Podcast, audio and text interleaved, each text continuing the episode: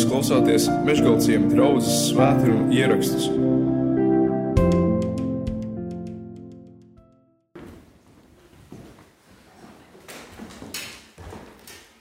Ko, labrīt, draugi, arī no manis. Man ir ļoti liels prieks un pagodinājums šorīt būt jūsu vidū.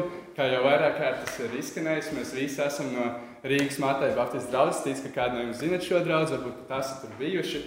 Un mana atbildība šobrīd tur ir pieskatīt un vadīt jauniešu kalpošanu. Tā kā jūs kādreiz būsiet Rīgā, un ja jūs kādreiz būsiet Matejā, jūs visticamāk mani satiksiet. Un tas, kā es un visi slavēšanas komanda šeit nonācām, tas patiesībā ir tāds ļoti interesants stāsts. Jo pirms vairāk kā mēneša mēs kā desmit jaunieši meklējām draudzīti, uz kur aizbraukt. Un mēs domājam, vairākas variantus. Mēs plānojām braukt uz Grobiņas Baptistu draugu, mēs domājam, braukt uz Pāvilu draugu. Tad mēs domājam, kāds tālāks variants, varbūt braukt uz Vaņot, varbūt braukt uz Priekuli. Tad beig beigās mēs atbraucām šeit pie jums. Un pēc dievkalpojuma jūs mācītājs mums pienāk un jautā, vai jūs nevēlaties kādā septembra svētdienā paviesoties pie mums un uztaisīt tādu svētku pateicības dievkalpojumu.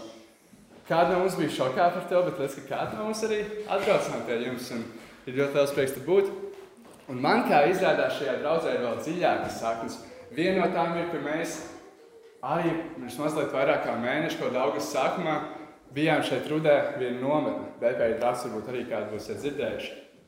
Un mēs bijām, un es biju viens no vadītājiem, līdz ar to es arī biju šeit, un viens no DPI draugs tādām pamatvērtībām ir praktiski kalpot cilvēkiem. Un līdz ar to mēs meklējām kādus cilvēkus, kuriem kalpot, un vienu rītu, vienā Ja nemaldos, piekdienas rītā mēs arī atbraucām pie jums un sakopām šo dārstu, kaut ko arī šeit telpā izdarījām. Bet ar to viss nebeidzās. Jo pirms kādiem trīs, četriem gadiem, un arī daudz senāk, man Omīte, kas ir šeit, viņa nāca uz dievkalpojumiem, aktīvi apmeklēja un arī iesaistījās mazajās grupās. Bet ar to arī viss nebeidzās. Jo pirms kādiem 20 gadiem, varbūt vairāk, un mamma un krusmāte, kuras ir šeit, arī viņas te bija un viņas te spēlēja klavierus draugus priekšā. Tā kā es mīlu Mateju, bet es kā kaut kāda daļa no manis pieder arī šai vietai. Bet tas, kādēļ es šobrīd esmu jūsu priekšā, ir, jo jūs, draugs mācītājs, arī man paaicināja padalīties ar kādu vārdu. Un mēs Matejā šajā otrdienā, pagājušajā otrdienā atklājām jauno jauniešu sezonu. Un mēs sākām apskatīt tādu tēmu kā algdevība. Un precīzāk, bagātība un slavu šajā reizē. Un es ceru, Es parasti runāju ar jauniešiem, es nekad neesmu runājis draudzes priekšā tādā veidā, kā sludinājis. Bet ceru, ka kaut kas no tā vārda, kas man ir dots sirdī, aizsniegs arī jūs. Jo es, kad biju maziņš, kā jau katrs bērns, gribēju būt bagāts un slavens. Es gribēju dzīvot tā, ka man nav īpaši jādomā par finansēm. Es gribēju dzīvot tā, kā esmu sabiedrībā atpazīstams. Es gribēju dzīvot tā, kā manās acīs būtu viegli. Un man personīgi vienmēr vairāk interesēs tā materiālā puse nekā tā slavas puse. Tā slava tā ir lieta, ko ik katrs savā dzīves posmā visticamāk vēlas, bet tā materiālā tā man interesē vairāk. Būt finansiālā drošībā, būt komfortā, būt turīgam. Un, ziniet, tā vēlme, tā iecerē jau īsti nekur nav pazudusi. Arī šobrīd, šobrīd man prātā ir sapņu darbs, kurā es varētu strādāt, kur es varētu nopelnīt pietiekami daudz sev un savai nākotnes ģimenei, lai tā būtu labi, varētu dzīvot, varētu dzīvot turīgi un būt, nebūt, nebūtu īpaši jāstraucās par visu, kas notiek. Un nešķiet jau neloģiski tā vēlme. Tā patiesībā šķiet ļoti loģiski. Un es pieņemu, ka jums kaut kādā ziņā ir līdzīga. Ja jums būtu jāizvēlas starp dzīvošanu privātmājā un dzīvošanu vecā blokmājā, viens starp dzīvoklī, neizremontētā, kur pelējums ir uz sienām, jūs labprātāk izvēlētos dzīvot privātmājā. Ja jums būtu jāizvēlās starp labu dzīvi, dzīvi ērtībās, dzīvi komfortā un dzīvi ar stresu, to, stresu par to, kā rītdien pāriest, jūs labprātāk izvēlētos to pirmo. Mēs visi tiecamies pēc komforta, pēc ērtībām, pēc biezākiem maciņiem. Kāda no mums varbūt tiecamies pēc bagātības, pēc rīktīgas naudas, kāda no mums varbūt tiecamies pēc slavas, pēc atpazīstamības sabiedrībā. Bet mēs visi kaut kādā ziņā vēlamies to dzīvi. Kāda domnīca, jeb liela pētniecības organizācija Amerikā 2008. gadā pētīja tieši šo jautājumu. Kas ir tas, pēc kā cilvēks dzirdas visvairāk? Kas ir cilvēka prioritāte dzīvē? Un aptaujājot, viņi noskaidroja, ka 56% cilvēku viena no vissvarīgākajām prioritātēm ir būt turīgiem, būt finansiālā drošībā. 56% cilvēku. Savukārt 89% cilvēku norādīja, ka viņi viena no svarīgākajām prioritātēm ir sekmēt veiksmīgu karjeru. Tā tendence ir diezgan skaidra. Mēs negribam dzīvot no algas līdz algai, satraucoties par to, kā rītdien pāriest. Mēs gribam dzīvot labi, mēs gribam dzīvot turīgi. Iespējams, sabiedrībā labi zinām, un tas jau nešķiet neloģiski. Sabiedrībā ir pieņemts pēc tā tiekties, mēs gribam dzīvot labi. Un, ziniet, Bībelē ne tikai bija džeks, vīrs ar šīm pašām vēlmēm, kas ir lielai daļai no mums. Viņš arī šīs vēlmes, šīs ieceres bija sasniedzis. Un vairāk teologi uzskata, ka šis jaunietis bija ļoti augstā valsts amatā. Vēl pastāv uzskats, ka viņš bija ļoti jauns priekš šāda amata, ka viņam bija vienkārši 20 līdz 30 gadi. Un vēl ko parasti izsēja par viņu, ir, ka viņš ne tikai bija bagāts, viņš bija ļoti bagāts. Grieķu valodā dažos manuskriptos ir atrodams vārds sfodra, kas tajā valodā ir vispārākās izteiksmes līdzeklis vārdam ļoti, kas nozīmē nežēlīgi, neiedomājami, neaptverami bagāts. Šis jaunietis bija sfodra bagāts. Citiem vārdiem viņš atradās tur, kur daudz no mums gribētu būt. Nauda, status, atpazīstamība sabiedrībā. Viņš bija tāds, ko visi pārējie skatījās. Viņš bija tāds, kam visi gribēja līdzināties. Bet kas ir vēl būtiskāk par visu iepriekš minēto? Šim jaunietim, šim vīram, uz kur daudz no mums skatītos kā uz labu, turīgas dzīves piemēru. Viņam bija saruna ar Jēzu Kristu. Un es vēlos kopā ar jums izlasīt šo sarunu. Tā ir atrodama Marka Evanģēlī 10. nodaļas 17. līdz 31. pāntā. Ja tev pie rokas vai soli ir bībeli, atver to. Es domāju, tā būs daudz vieglāk izsekot līdzi. Marka Evanģēlīs 10. nodaļa 17. līdz 31. pāns.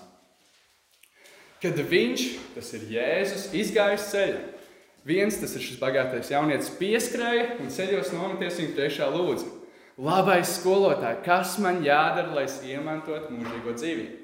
Ja es tam sacīju, kādēļ tu mani sauc par labu, neviens nav labs kā vienīgi Dievs. Un tad, ja es turpināju, baušas, tu zini, nenogalina, nepārkāp laulību, nezodz, nedod nepatiesu liecību, nekrāp, godā savu tēvu un māti.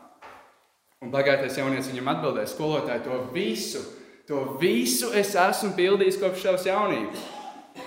Un tad, ja es viņu iemīlēju, viņam sacīja, viens lietas tev trūkst. Tu dari visu, centies negrēkot, centies būt labs, bet vienas lietas tev trūkst.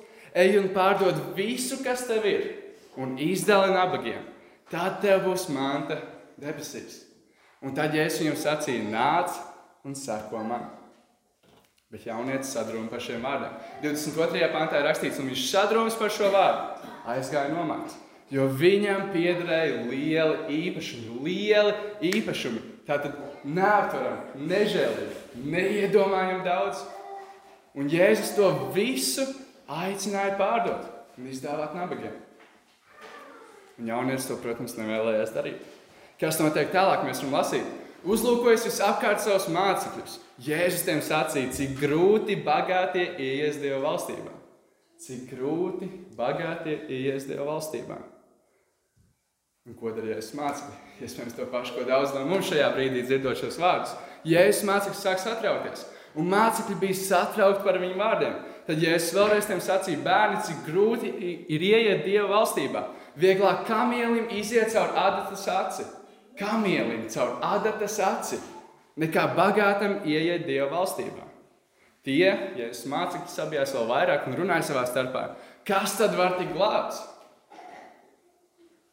Un 27. pāntā, ja es nomierināju situāciju un teicu, cilvēkiem tas nav iespējams, bet ne dievam, jo dievam visas lietas ir iespējamas. Un tad ierunājās viens no mācekļiem, Pēters. Redz, mēs visu esam atstājuši un esam tev sekojuši.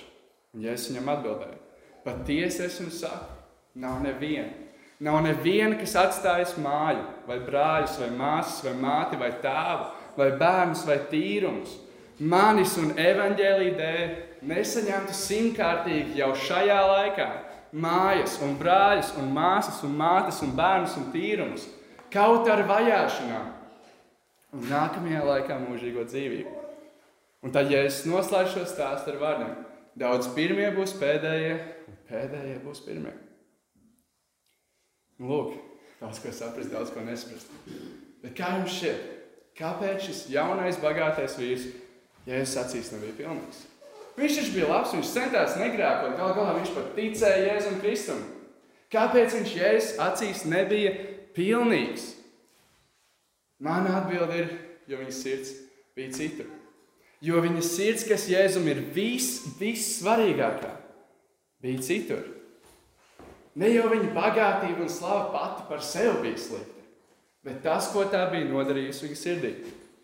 Ne jau viņa bagātība pati par sevi bija slikta, bet tas, ko tā bija nodarījusi viņa sirdī. Pieķerieties šai domai, jo mēs izlasīsim divus pāntus. Mateja Vangelijas 8. nodaļas 19. līdz 21. pāntā. Jēzus lielam ļaužu pūlim saka: Nekrājiet savu mantus virs zemes, kur kodas un rūstās maitā, un kur zagļi rok un zog, bet krājiet savu mantus debesīs, kur ne kodas, ne rūstās nemaitā, un kur zagļi nerok un nezog. Jo, jo kur ir tava manta, tur būs arī tava sirds. Un pāris pāns tālāk, 24. pāntā, ja es saku, neviens nevar kalpot diviem kungiem. Vai nu vienu tas ienīdīs un otru mīlēs, vai arī vienam izdevās un otru nicinās.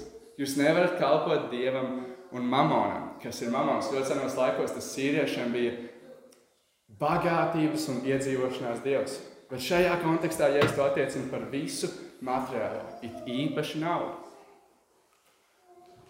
Ne jau šī jaunieša bagātība un slava pati par sevi bija slikta, bet tas, ko tā bija nodarījis viņa sirdī. Tas, ko tā bija nodarījis viņa sirdī. Tā vietai, no kuras dzīvība raisās. Tātad tas viss ir par tavu un manu sirds attieksmi. Tas ir par to, ka mēs tās divas lietas vai vienu lietu noliekam augstāk vai pat vienā līmenī ar Dievu. Jo tajā brīdī tas kļūst par mūsu algu. Jo kas ir augs? Augs ir tēls vai priekšmets, kam cilvēks ziedo un ko cilvēks pielūdz. Algs ir tēls vai priekšmets, kam cilvēks ziedo un ko cilvēks pielūdz. Tātad algs ir kaut kas mūsu pašu uzpūstam, pašam par sevi nav nekāds vērtīgs. Mēs tam piešķiram vērtību. Tātad, ja mēs kaut ko noliekam augstāk vai pat vienā līmenī ar Dievu, tas kļūst par mūsu elku. Bet mēs nevaram kalpot diviem kungiem, vai vienam kungam un elkam. Un šī bija tā problēma šī jaunā, bagātā vīra dzīvē. Tas bija tas iemesls, kāpēc viņš Jēzus acīs nebija pilnīgs. Viņa sirdī dzīvoja augs. Tā bagātība, kas viņam piederēja, un iespējams arī slava, kas tam visam nāca līdzi. Tas ir tas iemesls, kāpēc viņš Jēzus acīs nebija pilnīgs. Un Jēzus to zināja.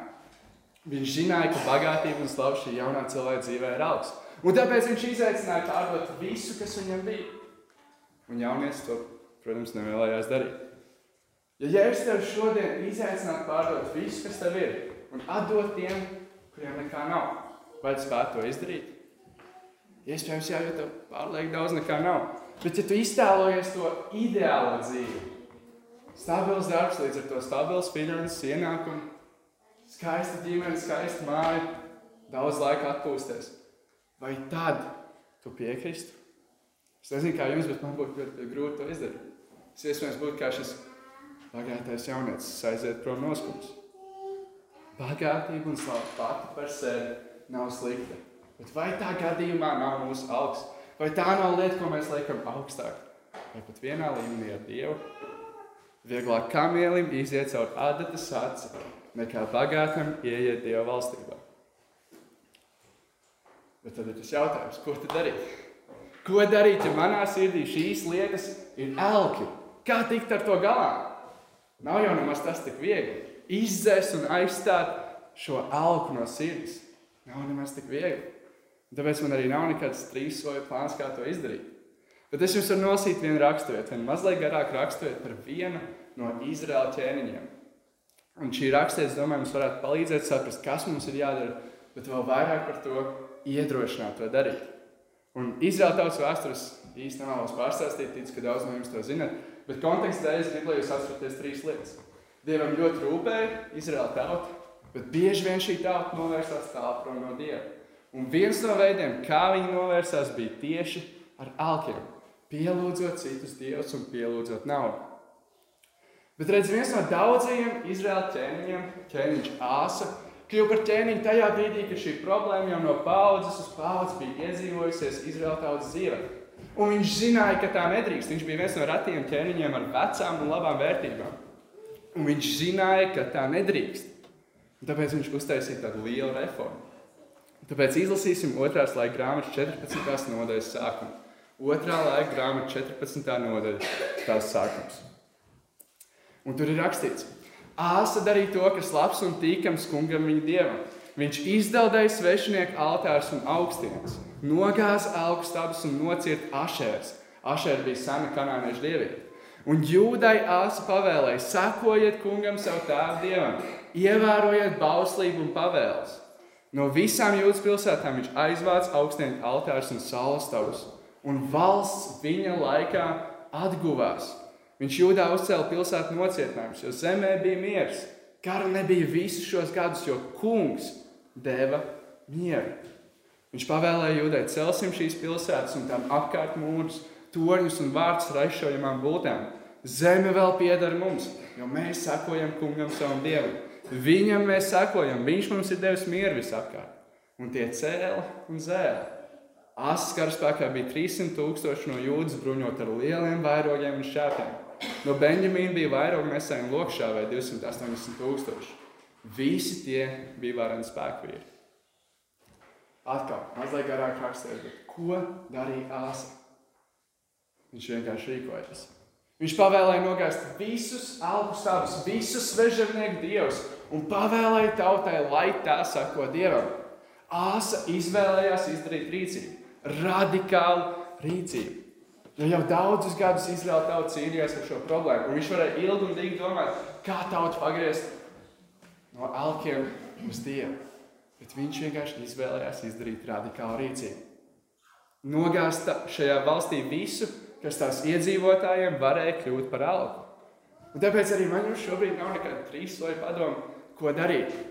Es nezinu, vai es neesmu pietiekami daudz iedzīvojies šajā tēmā, bet es tādu bībelē vienkārši neatradu. Bet tas, ko es atradu, ir aicinājums uz rīcību. Novērsties no elkiem, nogāzt visus augu stāvus un pievērsties Dievam.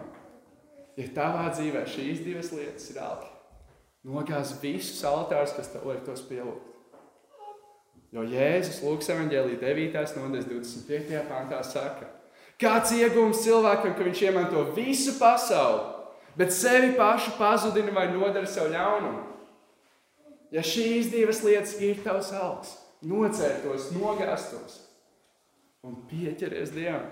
Starp citu, es to ne, neinterpretēju kā pārdot visu un atdot baznīcai vai kādai labdarības organizācijai. Ja tu to tā interpretē, droši dari to. Es to vairāk interpretēju kā apziņu. Tā nav mana nauda, tie nav mani līdzekļi. Dievs tos man ir uzticējis. Un mana atbildība primāri ir ar tiem svētīt citus. Jo mums šobrīd nav Un arī pēc 10, 20 gadiem nebūs jākrāj manta sev virs zemes, kur kodas un rūstās maitā, kur zagļi roka un zog. Bet mums vienmēr, vienmēr būs jākrāj manta debesīs.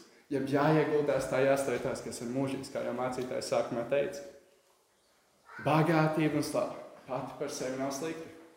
Bet tas, ko tā var nodarīt mūsu sirdī, tā var novērst to tālu prom no Dieva. Tāpēc pielūkosim, ka tās lietas nav mūsu alga. Jo Jēzus saka, vieglāk kamielim iziet cauri atsaci, nekā bagātam ieiet Dieva valstībā. Amen. Aicinu, ka mēs varam pielikt. Jā, Dievs, Tavs, Tev pateicos par šo brīnišķīgo svētdienas rītu, ka mēs varam sapulcēties Mežgalcēm draudzē, un ka mēs varam būt kopā kā viesi ar visiem tiem, kas ir klātesoši.